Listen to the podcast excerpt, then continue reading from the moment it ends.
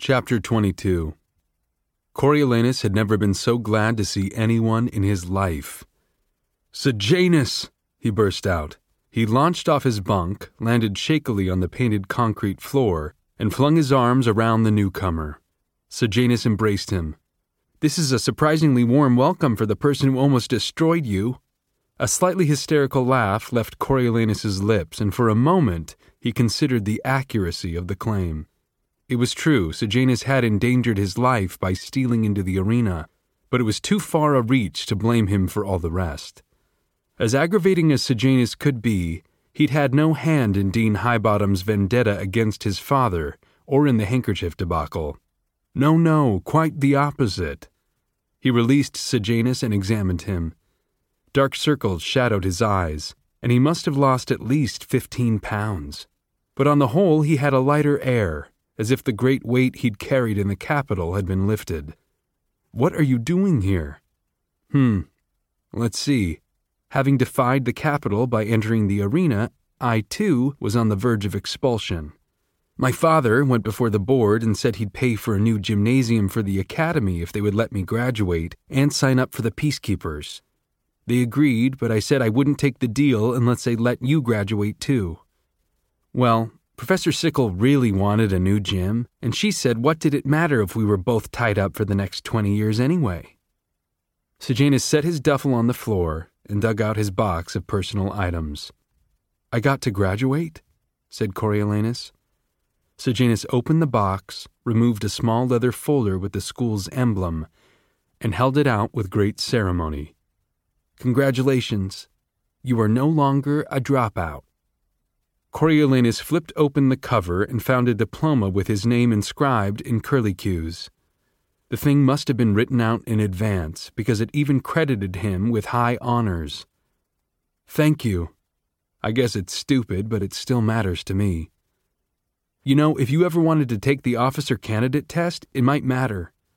You need to have graduated secondary school. Dean Highbottom brought that up as something that should be denied you. He said you broke some rule in the games to help Lucy Gray. Anyway, he got outvoted. Sejanus chuckled. He's really wearing on people. So I'm not universally reviled? said Coriolanus. For what? Falling in love? I think more people pity you. A lot of romantics among our teachers, come to find out, said Sejanus. And Lucy Gray made quite a good impression. Coriolanus grabbed his arm. Where is she? Do you know what happened to her? Sejanus shook his head. They usually send the victors back to their districts, don't they? I'm afraid they've done something worse to her, because we cheated in the games, Coriolanus confessed. I tampered with the snake so they wouldn't bite her, but all she did was use rat poison. So that was it. Well, I haven't heard anything about that or about her being punished, Sejanus reassured him. The truth is, she's so talented, they'll probably want to bring her back next year. I thought of that, too. Maybe Highbottom was right about her being sent home. Coriolanus sat on Beanpole's bunk and stared down at the diploma. You know, when you came in, I was weighing the merits of suicide. What? Now? When you're finally free from the clutches of Dean Highbottom and the evil Dr. Gall? When the girl of your dreams is in reach? When my ma is, at this moment, packing a box the size of a truck full of baked goods for you? exclaimed Sejanus. My friend, your life has just begun. And then Coriolanus was laughing. They both were. So this isn't our ruin? I'd call it our salvation. Mine, anyway. Oh, Corio, if you only knew how glad I was to escape, said Sejanus, turning grave. I never liked the capital. But after the Hunger Games, after what happened to Marcus, I don't know if you were kidding about suicide, but it was no joke to me. I had the whole thing worked out. No, no, Sejanus, said Coriolanus. Let's not give them the satisfaction. Sejanus nodded thoughtfully, then wiped his face on his sleeve. My father says it won't be better here. I'll still be a capital boy as far as the districts are concerned, but I don't care. Anything would have to be an improvement. What's it like? We're either marching or mopping, said Coriolanus. It's mind numbing. Good. My mind could stand a little numbing. I've been trapped in these endless debates with my father, said Sejanus. At the moment, I don't want to have a serious discussion about anything. Then you'll love our roommates. The pain in Coriolanus's chest had retreated, and he felt a glimmer of hope. Lucy Gray had, at least publicly, been spared punishment. Just knowing that he still had allies in the capital buoyed Coriolanus's spirits, and Sejanus's mention of becoming an officer caught his attention. Perhaps there was a way out of his predicament after all, another path to influence and power. It was solace enough at the moment to know this was something Dean Highbottom feared. I'm planning to, said Sejanus. I'm planning to build a whole new beautiful life here, one where, in my own small way, I can make the world a better place. That's going to take some work, said Coriolanus. I don't know whatever possessed me to ask for twelve. Completely random, obviously, Sejanus teased. Like a fool, Coriolanus felt himself blush. I don't even know how to find her or if she'll still be interested in me now that so much has changed. You're kidding, right? She's head over heels in love with you, said Sejanus. And don't worry, we'll find her. As he helped Sejanus unpack and make his bed, Coriolanus got caught up on the capital news. His suspicions about the Hunger Games were right. By the next morning, there was no mention of it, said Sejanus. When I went into the academy for my review, I heard some of the faculty talking about what a mistake it had been to involve the students, so I think that was a one off. But I wouldn't be surprised if we see Lucky Flickerman back again next year, or the post office open for gifts and betting. Our legacy, said Coriolanus. So it seems, said Sejanus. Satyria told Professor Sickle that Dr. Gall is determined to keep it going somehow. A part of her eternal war, I guess. Instead of battles, we have the Hunger Games. Yes, to punish the districts and remind us what beasts we are, said Coriolanus, focused on lining up Sejanus's folded socks in the locker. What? asked Sejanus, giving him a funny look. I don't know, said Coriolanus. It's like. You know how she's always torturing that rabbit or melting the flesh off something? Like she enjoys it? asked Sejanus. Exactly. I think that's how she thinks we all are. Natural born killers, inherently violent, Coriolanus said. The Hunger Games are a reminder of what monsters we are and how we need the capital to keep us from chaos. So not only is the world a brutal place, but people enjoy its brutality? Like the essay on everything we loved about the war, said Sejanus. As if it had been some big show. He shook his head. So much for not thinking. Forget it, said Coriolanus. Let's just be happy that she's out of our lives. A downcast beanpole appeared, reeking of urinals and bleach. Coriolanus introduced him to Sejanus, who, upon learning of his predicament, cheered him up by promising to help him with the drills. It took me a while to get it, too, back at school, but if I can master it, so can you. Smiley and Bug rolled in shortly after and greeted Sejanus warmly. They'd been cleaned out at the poker table, but were excited about the following Saturday's entertainment. There's going to be a band at the Hob. Coriolanus practically jumped on him. A band? What band? Smiley shrugged. Can't remember, but some girl will be singing, supposed to be pretty good. Lucy somebody? Lucy somebody. Coriolanus's heart leaped and a grin nearly split his face in two. Sejanus grinned back at him. Really? Well, that's something to look forward to. After lights out, Coriolanus lay beaming at the ceiling. Lucy Gray was not only alive, she was in 12, and he would reunite with her next weekend. His girl, his love, his Lucy Gray. They had survived the dean, the doctor, and the games somehow. After all the weeks of fear and yearning and uncertainty, he would wrap her in his arms and never let her go. Wasn't that why he had come to 12? But it wasn't just news of her. As ironic as it was, the appearance of that decade long irritant, Sejanus, had helped bring him back to life as well, not just with his diploma and promised cakes, or his reassurances that the capital did not scorn him, or even the hope of a career as an officer. Coriolanus was so relieved to have someone to talk to who knew his world and, more importantly, his true worth in that world. He felt heartened by the fact that Strabo Plinth had allowed Sejanus to insist his graduation be part of the deal for the gym, and took it as at least partial payment toward his having saved Sejanus's life. Old Plinth had not forgotten him, he felt sure of that, and might be willing to use his wealth and power to help him in the future. And of course, Ma adored him. Perhaps things were not so dire after all. With Sejanus, plus another few stragglers from the districts, they had enough recruits to form a full squad of 20, and they began to train as such. There was no question. The Academy's regimen had given Coriolanus and Sejanus a decided edge in fitness and drilling, although they'd had no class in firearms as they did now. The standard peacekeeper's rifle was a formidable thing, capable of firing a hundred rounds before reloading. To start out, the trainees focused on learning the weapon parts as they cleaned and assembled and disassembled their guns until they could do it in their sleep. Coriolanus had felt a little leery on the first day they did target practice, so bad were his memories of the war. But he found having his own weapon made him feel safer, more powerful. Sejanus turned out to be a natural marksman and soon earned the nickname Bullseye. Coriolanus could tell the name made him uncomfortable, but he accepted it. The Monday after Sejanus's arrival, August 1st, had brought disappointment. The recruits discovered they had to be in service for a full month to collect their first payment. Smiley was particularly down, as he'd been counting on his pay to cover his weekend revelries. Coriolanus felt his heart drop as well. How could he hope to see Lucy Gray without the price of a ticket? After three days of nothing but training, Thursday brought a bright spot. Ma's packages arrived, bursting with sugary delights.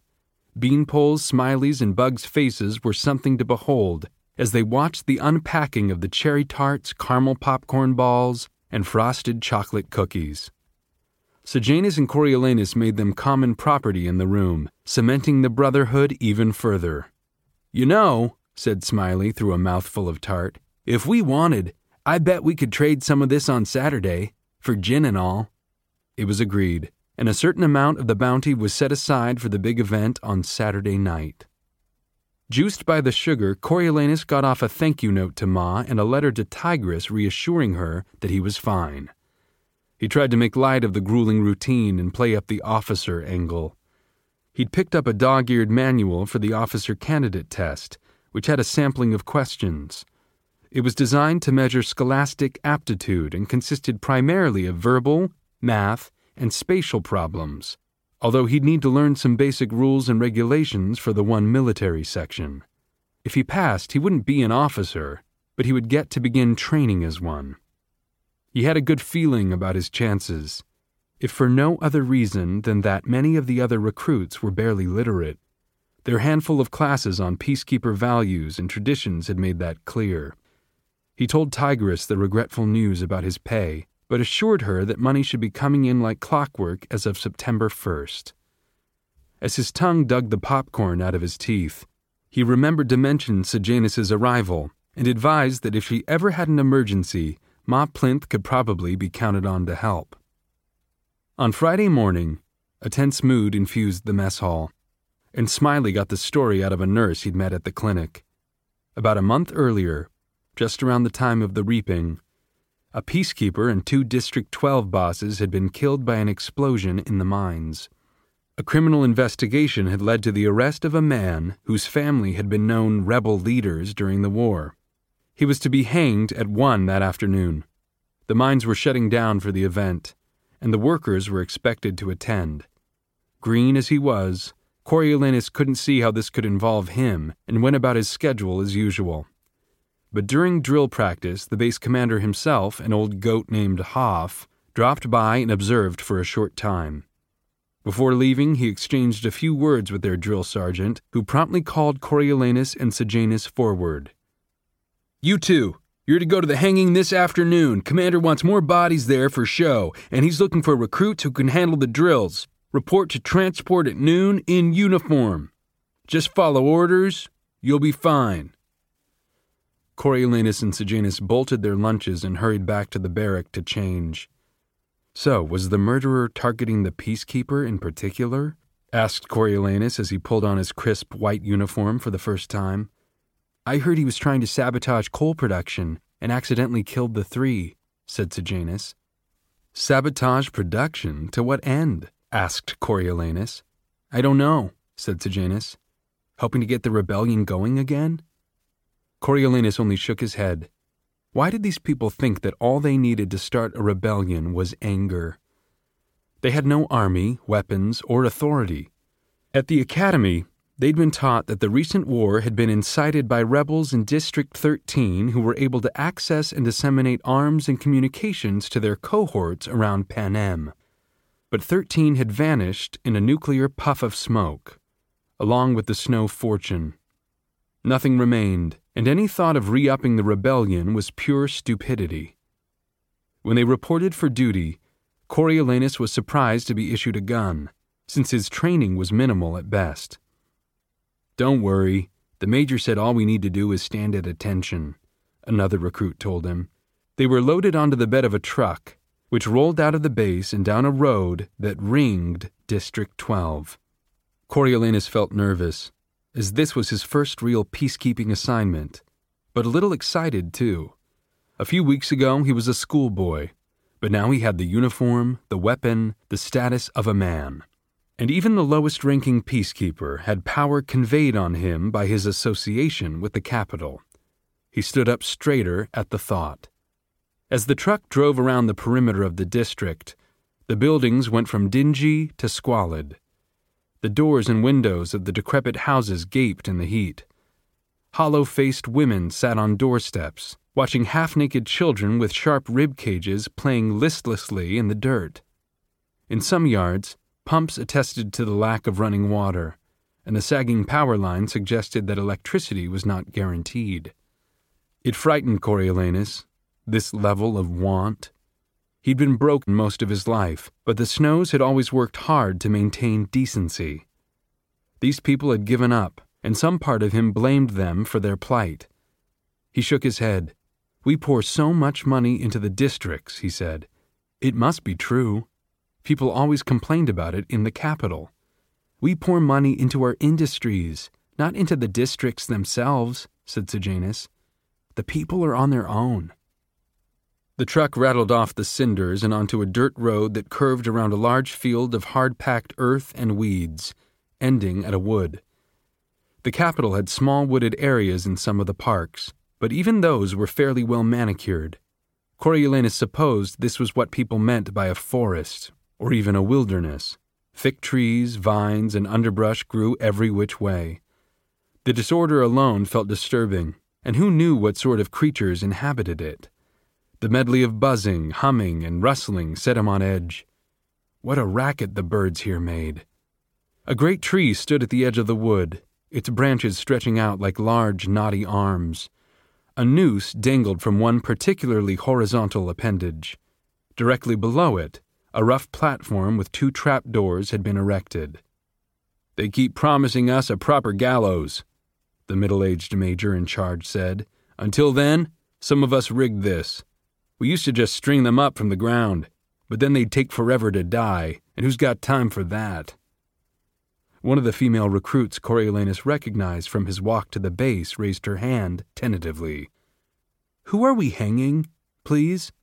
Oh, some malcontent who tried to shut the mines down, said the major. They're all malcontents, but this one's the ringleader. Name's Arlo something or other. Still tracking down some of the others, although I don't know where they plan on running. Nowhere to run. Okay, everybody out. Coriolanus's and Sejanus's roles were largely decorative. They stood at parade rest in the back row of one of two squads of twenty that flanked the platform. Another sixty peacekeepers spread along the edge of the field. Coriolanus did not like to have his back facing all the unkempt flora and fauna, but orders were orders. He stared straight ahead. across the field and into the district, from which a steady stream of people began to emerge. By the looks of them, many had come directly from the mines, for coal dust blackened their faces. They were joined by only slightly cleaner women and children as families formed in the field. Coriolanus began to feel anxious when scores became hundreds, and still more people arrived, pushing the crowd forward in an ominous fashion. A trio of vehicles slowly made its way down the dirt road toward the gallows.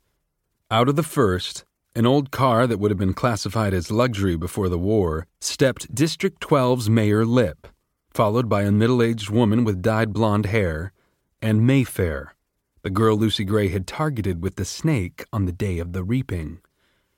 They formed a tight knot at the side of the platform. Commander Hoff and a half dozen officers emerged from a second car, which sported a fluttering flag of Panem on the hood. A wave of distress went through the crowd as the back of the final vehicle, a white peacekeeper's van, swung open. A pair of guards jumped to the ground, then turned to help the prisoner out. Heavily shackled, the tall, lean man managed to stay upright as they escorted him to the platform. With difficulty, he dragged his chains up the rickety steps, and the guards positioned him on one of the two trap doors. The major barked the order for attention, and Coriolanus's body snapped into position. Technically, his gaze should have been forward, but he could just see the action from the corner of his eye, and he felt concealed in the back row. He'd never seen an execution in real life, only on television, and somehow he couldn't look away. The crowd fell silent, and a peacekeeper read out the list of crimes the condemned Arlo Chance had been convicted of, including the murder of three men. Although he tried to project, his voice seemed puny in the hot, damp air. When he concluded, the commander gave a nod to the peacekeepers on the platform. They offered the condemned a blindfold, which he refused, and then put the noose around his neck. The man stood stoically, staring into the distance as he awaited his end. A drum roll began from the far side of the platform, triggering a cry from the front of the crowd. Coriolanus shifted his gaze to locate the source. A young woman with olive skin and long black hair rose above the mass into the air as a man tried to carry her off, but she desperately fought to move forward, shrieking, Arlo! Arlo! Already peacekeepers were closing in on her. The voice had an electrifying effect on Arlo as his face registered first surprise, then horror. Run! he screamed. Run, Lil! Run! Run! The clap of the trapdoor release and subsequent twang of the rope cut him off mid word, drawing a gasp from the crowd. Arlo dropped fifteen feet and seemed to die instantly. In the ominous silence that followed, Coriolanus could feel the sweat running down his ribs as he waited for the outcome. Would the people attack? Would he be expected to shoot them? Did he remember how the gun worked? He strained his ears for the order. Instead, he heard the voice of the dead man ringing out eerily from the gently swaying corpse. Run! Run, Lil! Run!